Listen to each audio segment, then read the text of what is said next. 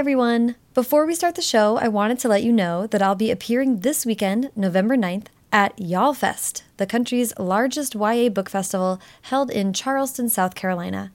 As we get closer and closer to February 26th, the release date for my debut novel, Tell Me Everything, there are going to be a ton more festivals, conferences, and other events where I will be there in person, chatting about books and specifically my book. Be sure to visit sarahenny.com and or firstdraftpod.com to get updates on Tell Me Everything and on the podcast. Okay, now on with the show.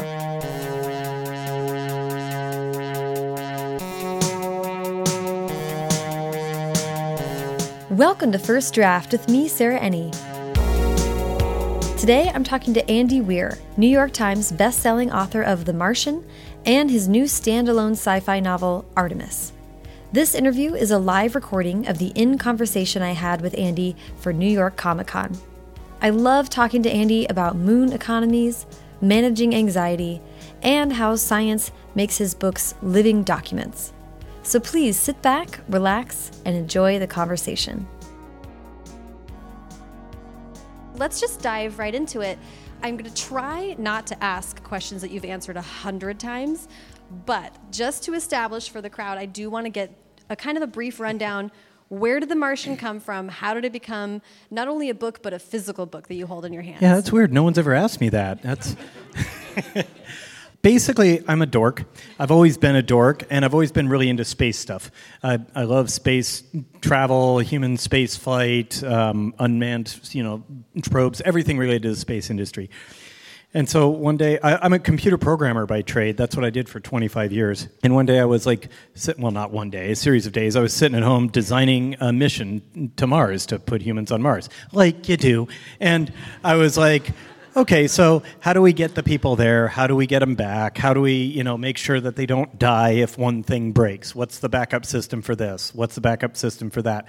What if this breaks and this breaks at the same time? How do we make sure the crew doesn't have to abort or worse yet, die? And then the increasingly desperate things they would have to do to stay alive, I, I, was like, well, this might make a good story. So I created an unfortunate protagonist and subjected him to all of them. So, um, so I worked on that, and it was just a thing I was doing. It was a labor of love. I had given up on being a writer. I wanted to be a writer all my life. So, for instance, go back in time to like when I was 18 and going to go into college picking my major, I, I, wanted to be a writer, but I also really like having regular meals. So I, I became an engineer. And in my late 20s, early 30s, I came into a bunch of money because I got laid off from AOL at exactly the right time so that I could cash out my stock options before they destroyed themselves by merging with Time Warner. So I ended up with a decent amount of money. I could go without working for a few years. And I'm like, I'm going to do it now. I'm going to go, I'm going to break into writing. So I wrote a book uh, that book was not The Martian. You've never heard of it. It wasn't published. It sucked. but, uh, you know, I felt like, okay, well, that was fun. You know, now it's time to go back into computer programming to, you know, earn a buck. And this was not a sad Charlie Brown music, hang your head situation. I like programming computers. I'm good at it. I enjoy it. I like working on a team. I, uh, I really enjoy engineering. So I went back into it and then I started writing for pleasure, just posting things onto my website, just like this, that, and the other thing. And one of the things I started posting were chapters of The Martian. It was a serial when I originally wrote it, which is why kind of every chapter sort of ends in a little bit of a cliffhanger because it was written in serial format. And then, you know, I finished it. It took me three years because I kind of went at my own pace. I'm like, ah, I don't give a crap. But when I was finally done, I was like, okay, I'm done yeah, we're good. And then I started getting email. I had about 3,000 regular readers, which sounds like a lot, but it took me like 10 years to build up that much of a mailing list. And I started getting email from people saying, like, hey, I love The Martian, but I hate your website, uh, which is fair. My website is like just white background with left justified hyperlinks. and then when you click on one text wall of story, I mean, it's like the Soviet tractor factory equivalent of a website right? And so, you know, it was not a pleasant reading experience. And they said, like, so can you just make an e-reader version? And I'm like, okay. So I figured out how to do that. And I posted that in EPUB and a Mobi version on my website and said, there, now you can do that. And other people are like, hey, I'm not really technically savvy and I don't know how to download a thing from the internet and put it on my e reader. Can you just post it to Amazon so I can read it that way? So I figured out how to do that, and I posted it to Amazon, Kindle Direct Publishing. They require you to charge at least 99 cents. You're not allowed to give it away for free. And so, you know, I set it up for 99 cents. They hang on to it for like 48 to 72 hours to have a human look at it, just to make sure you're not posting a bunch of goat porn. And don't judge. And then, because if it is goat porn, they want it categorized properly. Yes. Yeah, that's all. That's a that's a big category right now. Yeah, right. Um, so uh, anyway, so uh, it went live, and then I'm like, okay, folks, you can either read it for free on my website, get the e-reader version for free from my website, or you can pay Amazon a buck to put it on your Kindle.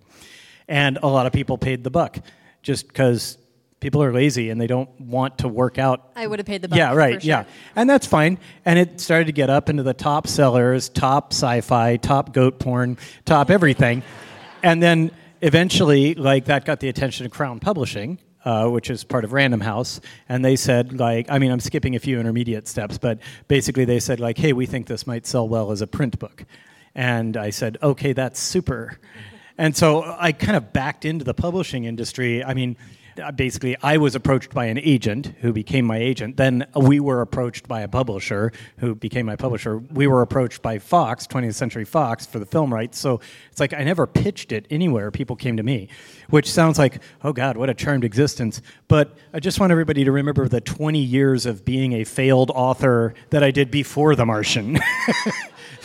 So Very important. Very important. sorry i just spotted my editor in the crowd Oh. So you should definitely pitch him your, your ideas Oh, for books. boy. He loves Oh, that. You just go right over there. he's running away now. Just uh, yeah, yeah. You guys can go over there right now. It's, it's fine. Thank you for catching up. I feel like it's important to kind of know the backstory and how The Martian came about. I'm not going to ask too much about the movie because actually there's tons of stuff online about you talking about the movie, and also the movie is the movie, and you are the author. So I want to talk about writing and also the new book. When we get to questions, all the questions will be I'm about the movie, but that's fine. We'll hear all about Matt Damon at the end of the show. Matt um, Damon. But I do. Whose impersonation of Brett Kavanaugh this weekend was great. Um, Yeah. he was he was Comes wonderful. out. What? He was wonderful. I was just in the bathroom yelling at myself in the mirror. Anyway, we're not here for that either. I, I want to talk about what I loved about catching up with The Martian because I read it when it came out, and then I kind of came back and was obviously researching for this conversation and realizing that due to science, Science. some parts of the book aren't applicable anymore. Now listen, you. Yes, there are a few things. Well, first off, there are a few just straight up violations of of reality in the book. A couple of places where I hand waved physics. Now, for the most part, it's very scientifically accurate, and I, I put a lot of effort into it. But like the storm at the beginning, uh, that threatens a spaceship and stuff, that couldn't happen, and I knew it at the time. Mars's atmosphere is less than 1% Earth's atmospheric density, so the pressure on Mars at the surface is less than 1% of Earth's pressure, which means the wind, while it does go like 150 kilometers an hour, the momentum behind it, the inertia, the force caused by the wind, is like 1% of what a 150 kilometer an hour wind on Earth would be. So actually, a Martian storm would have a difficult time knocking over a piece of paper. Really. And so that was just pure fiction, and I made it up. And at the time, I'm like, ah, nobody knows this. Nobody knows this. And then, of course, the Martian movie came out, Neil deGrasse Tyson's all like, well, actually. And so now everybody knows it. So I've, I've educated America about Mars's atmosphere. Uh, the other th- kind of hand wavy thing I did was I said that the canvas, the HAB canvas, the, the material that the HAB is made of, blocks radiation. People like NASA would kill for that technology. They would absolutely be happily murder you for some thin, flexible cloth that blocks 100% of galactic radiation. That, that doesn't exist. But there are things that have since happened that invalidated it. So first off, I, I said like, okay, you know, so in, in the story, Mark Watney decides to grow potatoes, and he's like, oh, I need a bunch of water to have the soil be moist enough for you know potato plants to grow. And so he reduces hydrazine fuel from the lander. He needs to liberate the hydrogen, mix it with oxygen, which he got from the oxygenator, which he got from CO2 from Mars' atmosphere. Big, complicated thing. Kind of blows himself up a little bit during the process. Lots of danger, excitement. Finally manages to make enough water. Yay. Okay, then those bastards at JPL landed the Curiosity rover on Mars. It went scoop. Hey, there's a shitload of ice in this. There is an enormous amount of water in Martian soil. Um, every cubic meter of Martian soil has about 35 liters of water in it, which means if you filled up a refrigerator with Martian soil, that's about two cubic meters, right? And then like extracted all the water, you'd have like 35 two liter bottles full of water. So Mark didn't have to do all that stuff. He just needed to heat up some dirt. But I learned that since then. And what I like to do is I like to say this. This is what I like to say. I just kind of retcon it a little bit. I say, like, well, Curiosity is a Gale crater uh, at the base of Mount Sharp, which is on the other side of the planet from where Mark was. Mark is in Acidalia planitia, which is a desert. And so I say that just like Earth has different areas of rainfall and, and water distribution and so on, so too does Mars. Or so I claim. and so until someone sends a probe to Acidalia planitia, I'm still not technically wrong. I feel like you're the Mars expert until NASA says otherwise. And yes, that's, right. I I, make bold claims until disproven. I think that's appropriate. But but it, it actually oh, I'm sorry. One other thing. Those bastards at JPL, when they were choosing the landing site for Curiosity, they had this big long list of things, and it was very public, their decision, their process for narrowing it down. And they finally got down to like the final four. They had four different sites on Mars, one of which was Gale Crater, which they eventually selected. But one of the other of the final four was Mawrth Vallis, which is the, the valley that Mark drove through on his way to Schiaparelli Crater. This all happened after I wrote the book. And I'm like, are you kidding me? Is Mark going to have to go around some piece of technology that could easily communicate with Earth? And it's like, ugh. but fortunately, they chose the other side of the planet, so that's good. that was very kind of them. Uh, yes.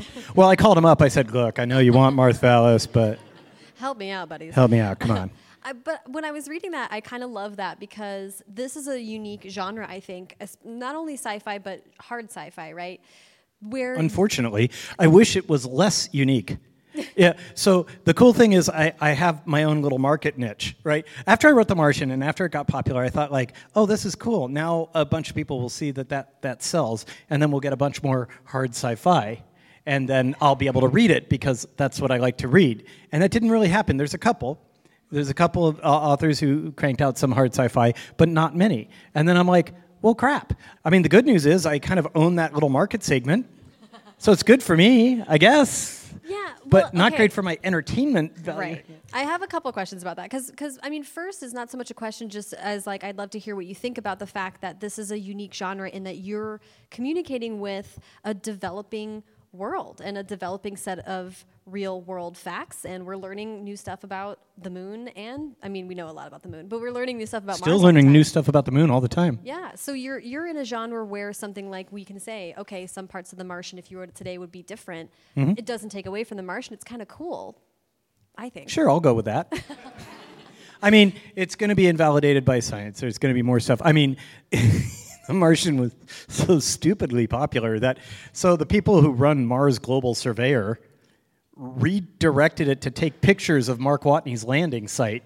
And they're like, well, this isn't anything like he described it. I'm like, screw you. rude, rude. No one. Trolls, But it was all in no one trolls like a scientist. I guess not, yeah. but but that was another question I had for you was. What do you think it is about hard science fiction? And just in case no one here is familiar with what we're talking about, hard sci-fi It's a type of pornographic sci-fi.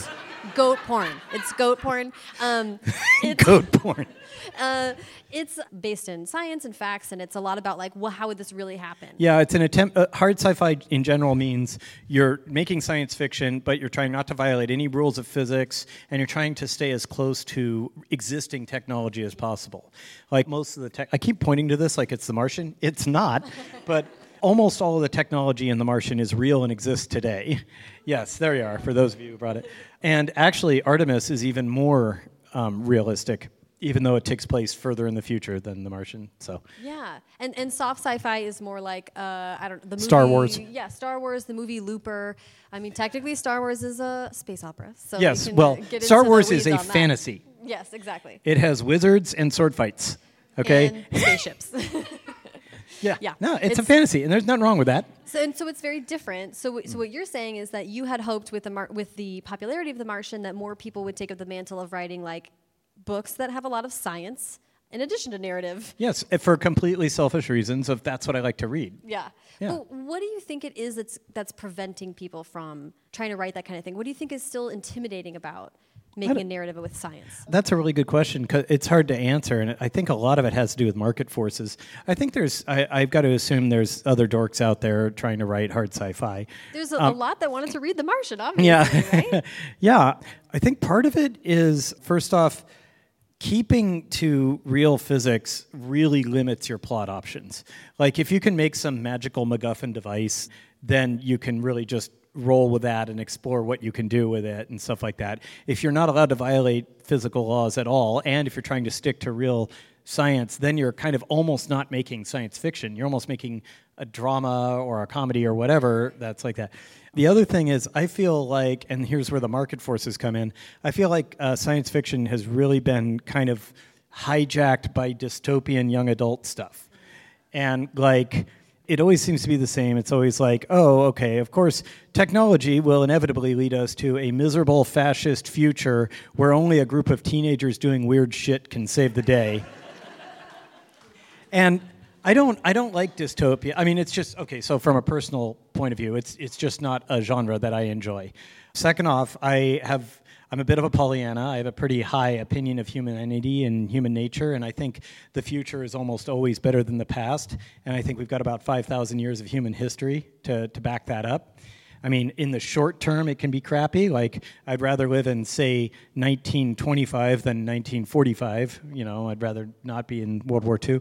But, like, I would definitely rather live in 2025 than 1925 and you'd probably rather live in 1925 than 1825, and so on. Humanity always keeps getting better. We keep always getting better. The future is almost always better than the past in the long term. Here, here's my question related to that because I, I would agree with you, though I've read a bunch of dystopia in my day, and there's there's interesting elements to it. Well, but I'm sorry to interrupt. No. I'm not that sorry.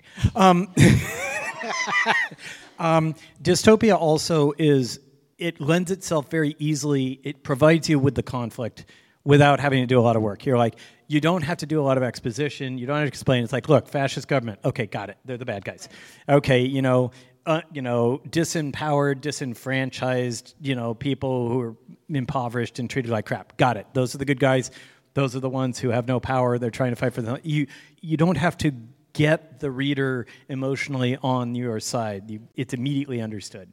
Yeah, it's built it's built in in that Yeah. way when you yeah. Sorry, I Well, well, my question is about. I love that is an optimistic viewpoint. Your viewpoint of where we're moving forward, the arc of progress, all that stuff.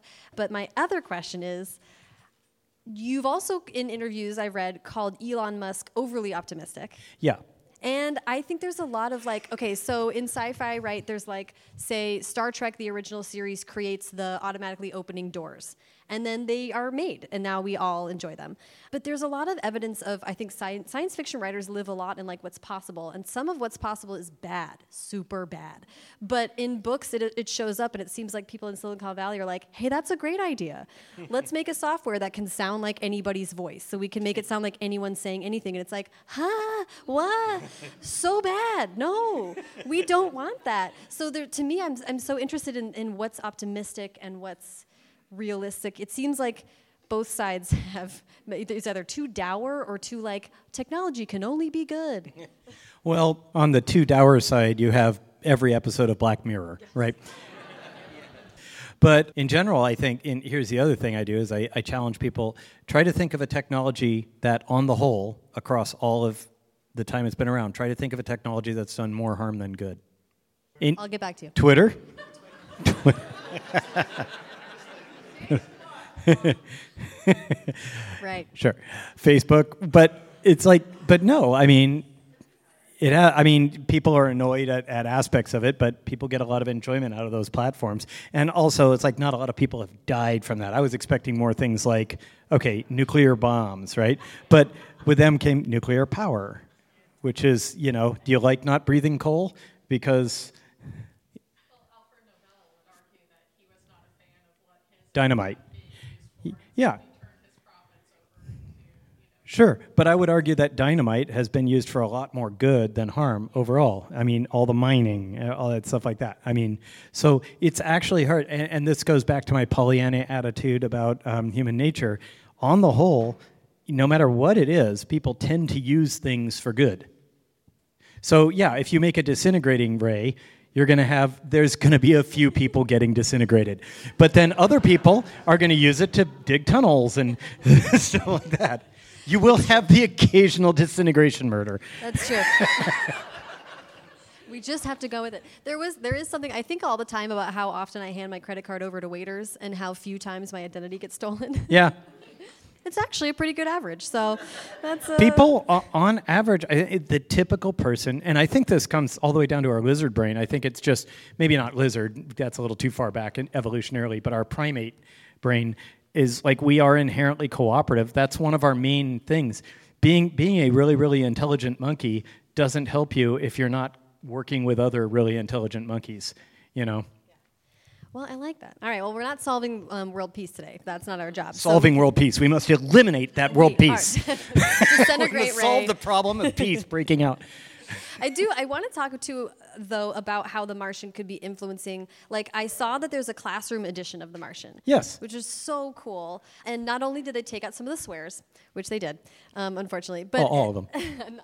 All of them or not all of them. Well, all of them. Yeah, I mean, had they're to. they're all uh, in the classroom edition. All of the swear words are replaced with like PG alternatives. I was the one who made the changes. Mm-hmm. You chose them. Yeah. That's great. yeah, they sent me um, they sent me a copy of the manuscript, uh, just a printout of the manuscript with every swear word highlighted, and the copy editor who did that said it was the most fun she's ever had. She's like, her job was just to highlight profanities. Yay! Shit! Fuck! Shit! Son of a bitch! it's also it's also the kind of thing where you're like, I did have an editor tell me like, um, you can't say shit so much, and I was like, what? Didn't say it that much, and then she was like, I highlighted it for you, and I was like, Yeah. Well, my editor right there, he sent me. He said uh, what, the first draft of The Martian. uh, You know, because we went through editing. You know, once once Crown bought it and went through editing and stuff like that. And he said like, well, you're kind of heavy on swearing. You have like, you know, it was something like you have 217 fucks, 114 shits, and just like because it's easy. You can just search and count. You know. Yeah. You're like, oh, that's okay. Uh, I'm a writer, but I'm a writer. exactly. The um, the the classroom edition includes discussion questions and activities. I think it's so cool, and I think it's also cool to have that direct example of like your work possibly inspiring young people to go into math, science, and physics. Yeah, well, the classroom edition came around because I, I started getting a lot of emails from teachers saying, like, I wish I could use this in my classroom, but there's so much profanity. And so eventually we did make the classroom edition, so that was pretty cool. And I, don't, I, don't, I didn't have, uh, I didn't write the discussion questions or anything, but now I get a lot of email from people saying, like, oh, I use your book in my classes, the classroom edition. A lot of teachers had just said, like, yeah, I use the normal edition. That's pretty cool. Yeah. Um, I mean, how does it feel to think that people could read your book and then be inspired to go into like the practical application of the science that you were so invested in? Well, I think I mean it's awesome, and you like to think that you help you know people kind of find their interests, but I don't think anybody's going to read a book and that's going to define their life. But if it helps somebody realize that they are predisposed toward this sort of thing, you know what I mean? It's not like oh, you know, I wrote a book that's so awesome, that's why you're an astrophysicist. No, it's this, but it it makes a kid realize that they like that. Then that's pretty cool. Yeah, and I mean, I think it seems like space, space, which is so so just like unquestionably cool. Unquestionably. It's just awesome, but So awesome. we seem to have lost a little bit of the romance for it that was present even a couple decades ago for some reason. So I feel like ha- like having a kid be able to see like this adventure story that ingo- involves space and being like, yeah, I can be, be involved in an adventure story through math and science. Like that's real. Well, my generation, our generation, well, you're probably younger than me. My generation, um, we never had, and, and beyond, never had an Apollo moment. Like, so my parents' generation, baby boomers, they got to watch people land on the moon and walk around, and that's amazing. my generation, it's like, okay, the space shuttle was kind of cool. ISS is up there doing stuff, but there's no amazing moment. There's nothing like, I will never forget where I was the day I, that, you know, people landed on the moon. If you ask anyone who was alive and older, that, you know, old enough to be conscious, they can tell you. What's that? It was awesome. Yeah. I, I, know. I know one guy, my, my friend from Spain. He uh, he was telling me he was like ten years old at the time, and he was watching it in Spain, and his grandmother just thought it was like a TV show. And she's like, "Why are we watching this?" He's like, "This is people landing on the moon." She's like, "No, it's just a TV show." He's like, "No, these this is happening. There are actually human beings on the real moon right now." She's like, "No, there aren't." She like literally never believed it. Maybe she's where all the moon landing conspiracies came say, from. She, she was she was the first one. She's the cause. Oh my yeah. god, that's so funny. so so I want to talk about a little bit about the time period between The Martian and Artemis before we kind of jump into to Artemis, because your not only was your career path entirely changed by The Martian, but your bit. life was changed. Yep. By it, and then all of a sudden you have this experience of moving into more traditional publishing where you have to like sell the book and then write it and there's deadlines and it's a little bit less you have to deal fun. with asshole editors. You got your poor editor. Yeah no it changed dramatically of course. The martian sold really well. It got on the bestseller list and everything like that. Um, rumblings of the movie were starting to be taken pretty seriously. And i was still working as an engineer because like i said i liked it.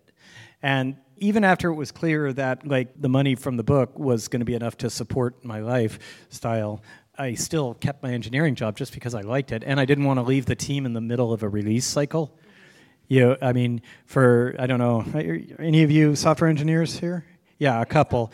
Unless you are really mad at the company, you would never leave between releases because it's like it's like even if you disagree with the war you're fighting, you're not going to leave the guys in the trench, right? Anyway, so I, I, stayed on longer than I needed to. But yeah, then it then it changed my life quite a bit because then it was like, okay, I, I turned right around and got another uh, contract for a book, and I spent actually like a year writing a book, not Artemis.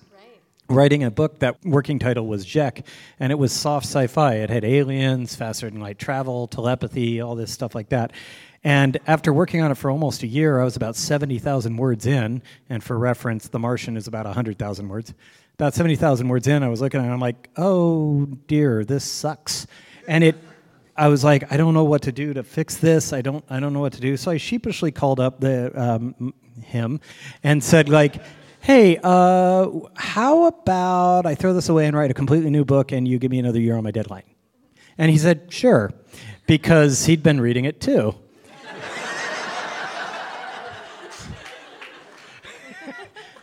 There was more to it than that, but that's pretty much what happened. And then so I, that's when I got started on Artemis. But that was that was heart wrenching to like put so much effort into a story that I thought was just the shit. I, I, thought, oh, this is so awesome. These concepts are awesome. They're unique. They're they're inventive. They're just really really cool. But they just didn't make a good story. And yeah. maybe maybe another writer could have done it, but it was just too epic in scale. The so well, and I do have a question about. Well, let, let me ask that now, actually, because we're talking about the scale. You've mentioned in another interview that for uh, uh, is it? Yeah, um. Yeah. That you made your own physics. I did have to make some physics. How yeah. Does, how does that work? Well, I mean, you make stuff up and then say it's true.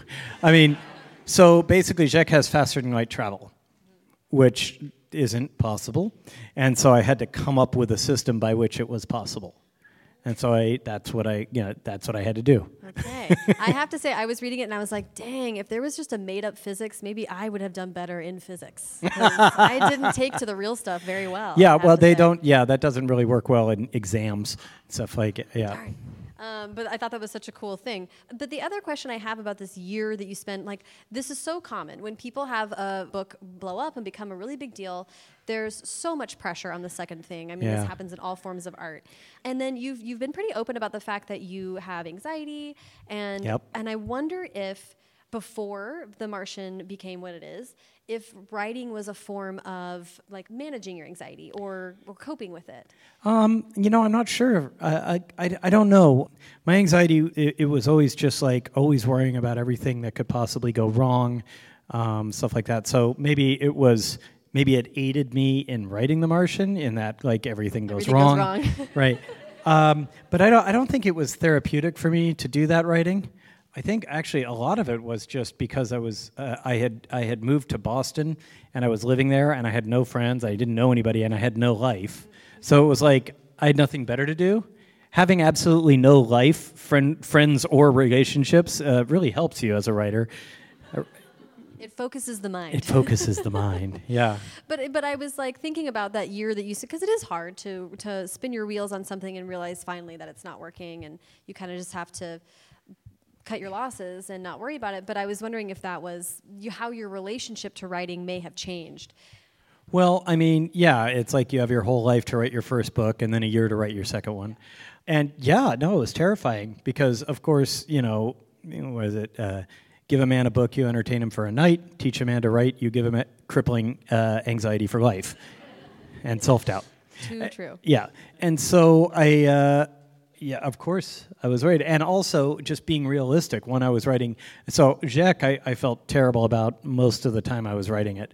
Artemis, I felt pretty good about as it was coming along. I felt like, okay, this is cohesive. I like the story, I like the characters, and so on. But I got to the, you know, I still was thinking, like, there's just no way I'm going to have a hit like The Martian again, like right off the bat, or probably ever probably like you know I could write 50 more books, and then my obituary will be like the guy who wrote The Martian died. You know, so yeah, we can't control those zeitgeisty things. Yeah, right? Like, right. So yeah, so I had to just kind of like say like, look, what I'm trying to do here is just I, I want people to enjoy the book. That's it. It doesn't have to beat The Martian because I probably am not going to do that. But um, it does have to be good. Has to pull you through, and, and, and hopefully I've done that. Yeah, well, I like that. That was that, and I think it's important to talk about the times when things don't work out, the yeah. same as we talk about the things that do work out. So, especially if anyone here is a writer, I think it's always nice to hear people say something didn't work. Oh yeah. Well, also, you know, I mean, The Martian was the third book I've written. I wrote, rather, past tense. I'm a writer. um, so I've written kind of a total of like five books, if you count the portion of Zhek that I wrote, and only two of them. yeah but that's that's a pretty common story for, yeah, for professional uh, writers. So, so let's talk about Artemis. I love the story of how Artemis came to be. You're writing this sort of soft sci-fi, but I've heard you talk about how in the back of your mind you're I thinking was, about moon colonies. Yes, right. I was I was cheating on Zhek was Artemis. Well, yeah, it kind of came from the same place that The Martian came from, where I was thinking about the technology. I, I was like, I you know I want a moon city. And so before I even get into the science behind a moon city, I need an explanation for why there's a moon city. Like, what? Why build a city on the moon? I mean, it's awesome. Okay, but but that's not enough. You know, it's like, why would you do it? And I'm like, most of the science fiction explanations for why there are cities on the moon fall a bit short for me. They're like, oh, we there's something cool on the moon that we want to mine. I'm like, well, first off, every literally everything that's on the moon is also on Earth, but you could say, okay, helium three or something like that. Fine, send robots. Nobody cares if robots die. People care if Uncle Bob dies, right? And then number two, it's like people will be like, oh, okay, well, people moved there because the earth was like overpopulated. I'm like, really? Did you colonize the ocean? Did you colonize the Sahara, Antarctica? Because all of those are a lot easier to colonize than the moon, right? And then other things will people will be like, oh, well, it's, it's like pilgrims. It's like people left to keep from being oppressed. They left an oppressive central government. I'm like, if you can afford to build a city on the moon, you're not the oppressed. okay. so what I came up with was tourism. And I decided it just takes place in a future where the price to low Earth orbit has been driven down low enough that middle class people can afford sort of a once in a lifetime trip into space. And I've got some economics to back it up, and I wrote an article for Business Insider about it. I read that. So, so if you care enough about that, so yeah, that's another thing. It's like I'm also an economics dork, and it is really hard to make economics exciting. So I just kind of like I, I came up with the economic underpinnings of Artemis, but then I tried not to go too deeply into it because if we've learned anything from the Phantom Menace, it's don't start a story with a description of supply side economics. yeah. Move away from the Galactic Senate. We don't need Yeah. to know. But anyway, so I said, okay, it's a tourism industry, and from that I built it out. I said, like, okay, well then, what they're going to want is like hotels and casinos and whore, you know brothels, whorehouses, whatever, all the things that tourists like in the international waters kind of world, and also, what would tourists want to see on the moon? The Apollo 11 landing site. That's the obvious thing you'd want to see. So that right there told me, well, Artemis has to be near the Apollo 11 landing site. The moon's big. If you're 2,000 kilometers away from you, you can't get there. So it had to be close, but not too close because you don't want to damage the site with all the construction. So there's a visitors center and a train, and so it just started to come together like that. Then I got to work on the technology, which for me is the really fun part. You know, if you pick up rocks off of the surface of the moon, 85% of those rocks, there's an 85% chance that you just picked up a piece of anorthite. Anorthite is made of aluminum, silicon, calcium, and oxygen. If you run it through a smelter, just like you know smelting on Earth, you get those individual elements. So the, you use the aluminum to build your base, your city, and then the oxygen to fill it. It's like the moon is made of just moon bases with some assembly required. It's and you can't make this stuff up. This is just true. If I invented a fake planet that had these properties, people would say you're just making it too convenient. But it's not. And then dealing with the radiation problems, dealing with making sure that you, there can't be a catastrophic pressure loss, dealing with all these things. That was fun. And then I had to come up with like characters and plot. Yeah. well, and speaking of that, before we get to, into too many more specifics, do you mind doing the, the quick pitch for Artemis so we can talk about it? Sure. Uh, Artemis, as you've already gleaned, takes place in a city on the moon. The main character is a woman who's a small time criminal, and she gets in way over her head. That's the uh, elevator pitch. That's a good one. And I just thought it was so interesting that The Martian started because you created in your mind, you were thinking of practical problems and problem solving. And it sounds like that's a, kind of similar to what drove Artemis. Kind of. I mean, like, I, I had a lot of fun creating the city and all that stuff like that, but the plot and the story of Artemis revolves around it's a crime novel. Uh, it's a crime story. Uh, yeah, the main character, uh, Jazz, she's uh, like a kind of a petty criminal, mostly does smuggling, and like a rich guy hires her to do some industrial sabotage, and everything goes fine. There's no complications, and the book ends. no, obviously, all sorts of stuff goes wrong, and, and things just keep getting worse and worse. Yeah, and there's so much that goes wrong, and she's so calm about it. I was reading it like, holy cow. She's And not she- exactly calm. Well, that's true. That's a little true. bit panicked a but lot. she handles it, and it's like it's it's so fun to. I think Mark and Jazz are sort of similar in that they're like survivors in that way.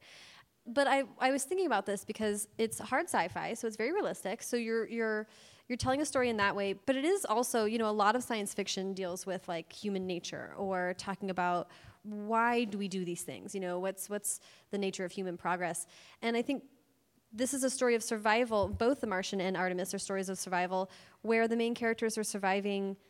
And I was like, why? But they're surviving with, with grace and with, with self respect. You know, they're, both, they're very proud. And they are also doing it with humor. So I just would love to hear you hear you talk about what, what's of interest to you about these stories of survival in space. What, why is that so interesting? Well, so The Martian was just a straight up, like you said, person versus nature, and that's really interesting to me because every every problem was a scientific problem, and every solution was a scientific solution, and so I got to go back and forth and do all that. It's a series of like tenth grade math problems, really, is The Martian. Artemis, well, I wanted it to be more a human story. Like it's really about people interacting and a little bit of underworld stuff. And it's kind of the Wild West out there. There's not a lot of law. So I guess, I, I mean, I don't see Jazz's story as being one of like survival. I mean, it becomes one of desperate survival when people are actively trying to kill her, but she also brought that on herself, right? Jazz is a much more, so after The Martian, like, everybody liked The Martian, or almost everybody did, but no one would accuse it of being literature, right? It's like at the end of the book, Mark is the same as he is at the beginning. He undergoes no change. you don't really know anything about him other than he doesn't want to die, which you can generally assume about most people. And so he, he really didn't have any depth. He was a funny guy, a likable character. It was not a character driven story. And so everybody would forgive that. But I wanted to kind of try to stretch myself as a writer, so I tried to make a much more complicated character. Jazz is complicated. She has a backstory. She's got some bitterness to her, a lot of regrets in her life, and she makes bad decisions sometimes, and like morally bad decisions. And most of the problems she faces are of her own doing. She's a, very flawed person. So, like, what I like to say is that Mark is really based on me. Mark is the idealized version of me. It's like the parts of my personality that I like and none of my many flaws. Whereas Jazz is a lot more like the real me. People like Mark more. I think that's such a cool way to approach character, though. You know, I, I, I love that. I think every I think every main character is well. The the saying that I used to say is every every main character is somebody the author wants to be or someone the author wants to screw. I think that's true. you also said that writing this book was hard because, well, uh, there's two different ways that I want to ask this question. You've said that it was hard because your audience was different right off the bat, as in when you were writing The Martian, it was serial, and so you were getting feedback. And you mentioned having the 3,000, you know, newsletter subscribers that's so cool because it was like an intimate readership base, you know, and that's a relationship you had with your and readers. feedback every chapter, Yeah. which is nice. It encouragement. It really it really helped motivate me. You know, you know when I'd post a chapter, I knew that like that day I'd get a couple of hundred emails of people say, "This is great. Oh, I like this," or "Hey, you suck." But you know, there's always one or two of those. But you know, it really helped motivate me knowing that I'd get the sweet, sweet validation that I crave. But yeah, and then writing Artemis, I was just by myself. You know, It's hard. yeah. How did you stay motivated? Well, I had a contract. and I'd also I also felt well, I've got a certain professionalism to me, I think. I, have got a work ethic, and I felt really bad because, like, I, I spent something like 10 months working on Zhek only to press the big red reset button, which they let me do. But then I was like, okay, I really, I, I've used up all my kind of like brownie points. I, I want to really come through on this one. I actually finished it like a, a little bit early on the deadline. Not a lot, like Nice. like a week. Still. But I wanted to get it in there. Yeah. That's and that and the other thing about it was that you said that your early readers for The Martian were so useful in fact checking. Yes, and of course I couldn't do that for Artemis. Uh, publishers don't like it when they give you a big pile of money as an advance and then you give away the book for free. So I didn't have that kind of like audience to do that. So what I did was I tried to be. I, I was just a lot more thorough on my research because it wasn't as casual as as it was with The Martian. With The Martian, I could be wrong. Someone would point it out. I'd go fix it. With this, I had to be right the first time. So I was much more careful, and there are still mistakes in there, but so far, the only real like significant mistake I've found in there is there was just a, a very simple math error on combinatorics when it comes into she's trying to figure out the code to a safe, and it, she knows it's a four-digit code, and she knows what three numbers they are, but she doesn't know what order they are. So she knows there's three numbers that make a four-digit code, so one of them's repeated, obviously. And she was like, "Oh, well, then there's going to be this many possibilities." but the number is wrong. Like I got the I got that number wrong. It doesn't have any effect on the plot or anything, but it is a math error. And how how were you informed of this? oh, uh, you know, emails, lots of them, and so like eventually, like I, I now have like a, a stock response that I can copy and paste, and say like, yes, you got me. Yes, you're very smart. You're Thank very you. clever. Yeah, I mean, and that seems like a lot of pressure. Well, but then the other thing is that, you, like you said, there's we know more about the moon, so you almost had more to go on anyway. Or? Yeah, I mean, th- it's true that we know more about the moon, but it's it's easy it's easy to get that stuff right. I mean, i i- science is not likely to discover anything that is going to invalidate the core science of Artemis. Like, they're not going to say, like, "Oh, it turns out it really is made out of cheese." And no, Oh, it's, it's the, like the moon. The moon landing was fake. the oh, moon landing was fake. Oh, well. a grandmother in Spain turned us on to Yes, this reality. yeah, it was filmed by Stanley Kubrick, the moon landing, but he was a very exacting director, and he insisted on shooting on location. So. That's now my head canon for that.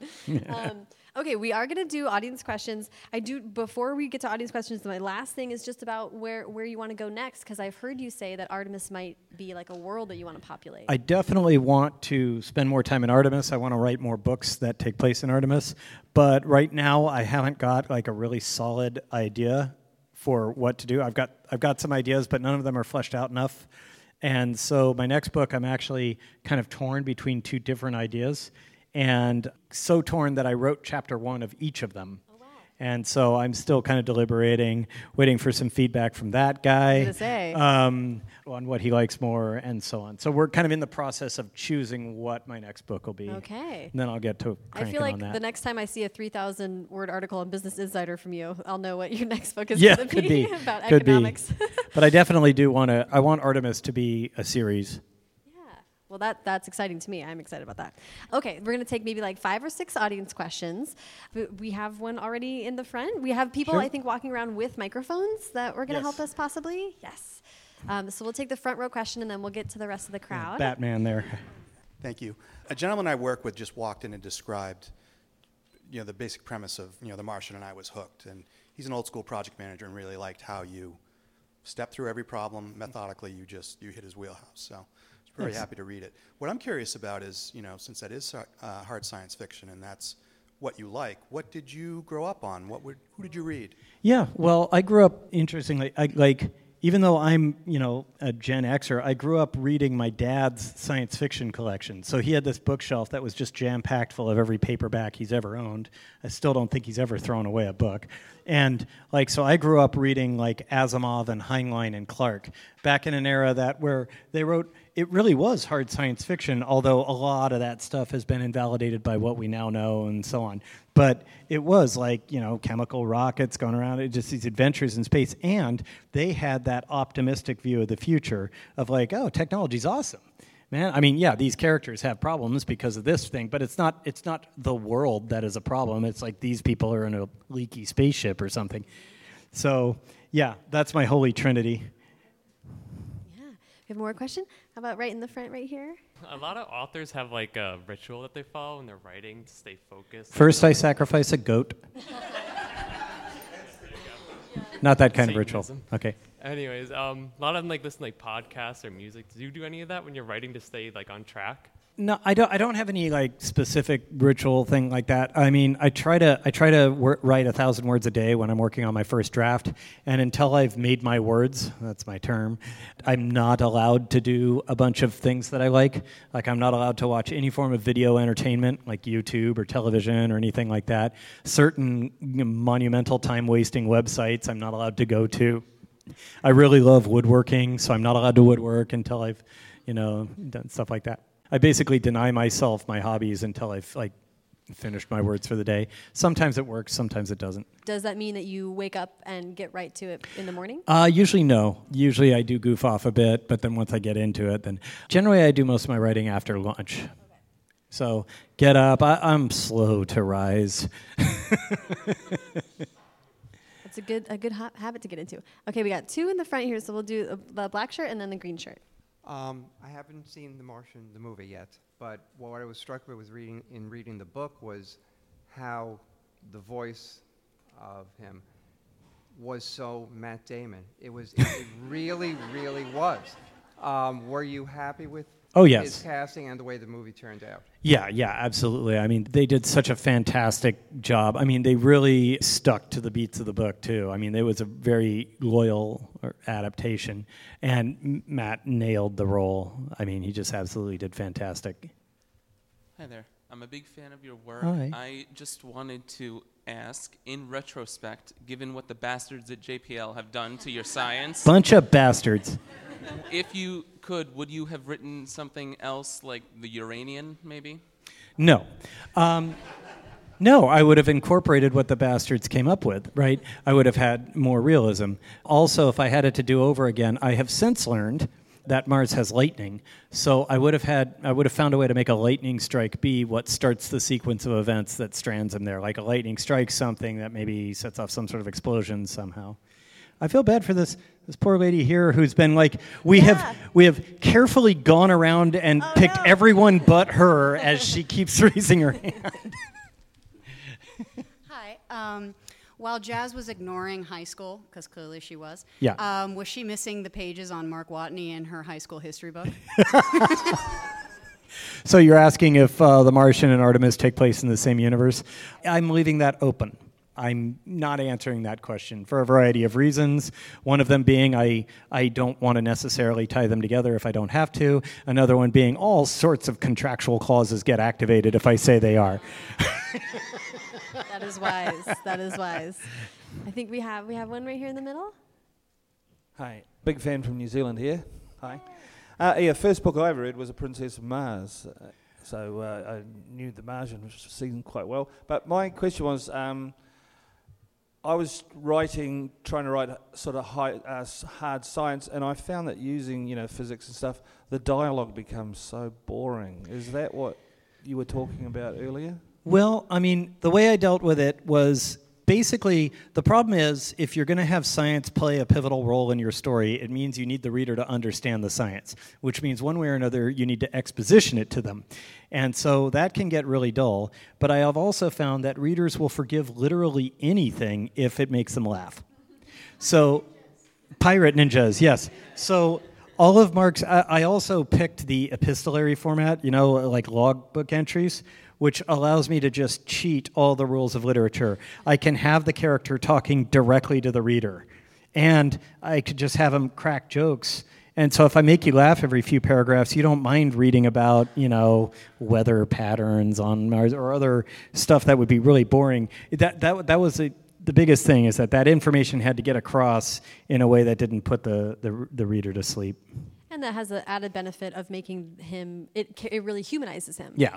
Uh, having him have a sense of humor is another way of saying a point of view. Mm. So then you get to know Mark a lot by what makes him mad or Yeah. what he wonders about Aquaman. How about him? He's been waiting a while. You. This. Yeah. And, and, and this will be the last question. Aw. Thank you so much. How did you go? ab- Um, I mean, you skipped a lot of the problem because gunk doesn't take much cooking. But how did you go about researching low pressure cooking? Low pressure cooking. Well, first off, they have pressure cookers. Um, so that's easy. But the other thing is, yeah, there's a bunch of problems. Well, it actually is What- do you in want the to book. explain what gunk is first? Oh well, gunk gunk itself is just chlorella um, algae, which is just this oceanic algae that's natural. The cool thing about it is if you adjust the frequencies of light that are hitting it while it grows, it'll change how much of its energy goes into making proteins versus how much goes into making sugars. And so by giving it the correct frequencies of light, you can make chlorella grow to be perfect nutritional balance for humans. And this is what they eat on Artemis. Uh, well, this is what it's what poor people eat on Artemis because you can grow it there. you know, as opposed to having to import food.